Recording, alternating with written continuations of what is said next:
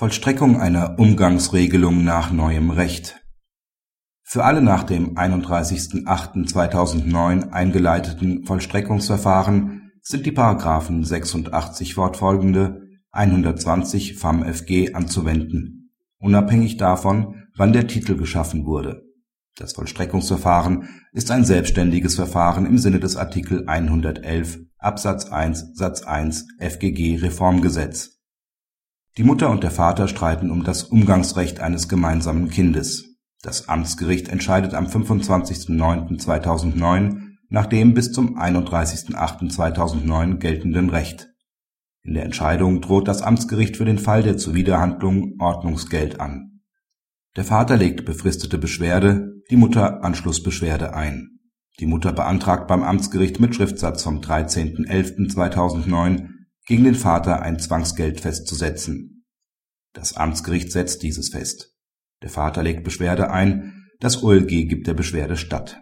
Das Vollstreckungsverfahren ist ein eigenständiges Verfahren nach Artikel 111 Absatz 1 Satz 1 FGG Reformgesetz.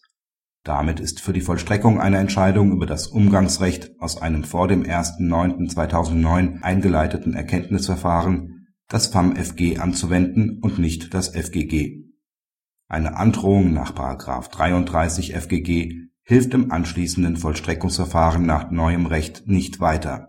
Vielmehr bedarf es eines Hinweises nach § 89 Absatz 2 FamFG, der durch das OLG erteilt wird. Damit kann erst bei der nächsten Zuwiderhandlung des Vaters ein Zwangsgeld festgesetzt werden.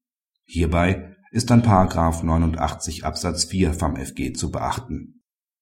Praxishinweis kein selbstständiges Verfahren im Sinne des Artikel 111 Absatz 1 Satz 1 FGG-Reformgesetz ist ein nach dem 31.08.2009 eingeleitetes Rechtsmittelverfahren. Damit gilt bei Verfahren, die nach dem bis zum 31.08.2009 geltenden Recht entschieden wurden, in der Rechtsmittelinstanz weiterhin das alte Recht. Statthaftigkeit, Fristen, Zuständigkeit, Bezeichnung etc des Rechtsmittels richten sich somit nicht nach dem FamFG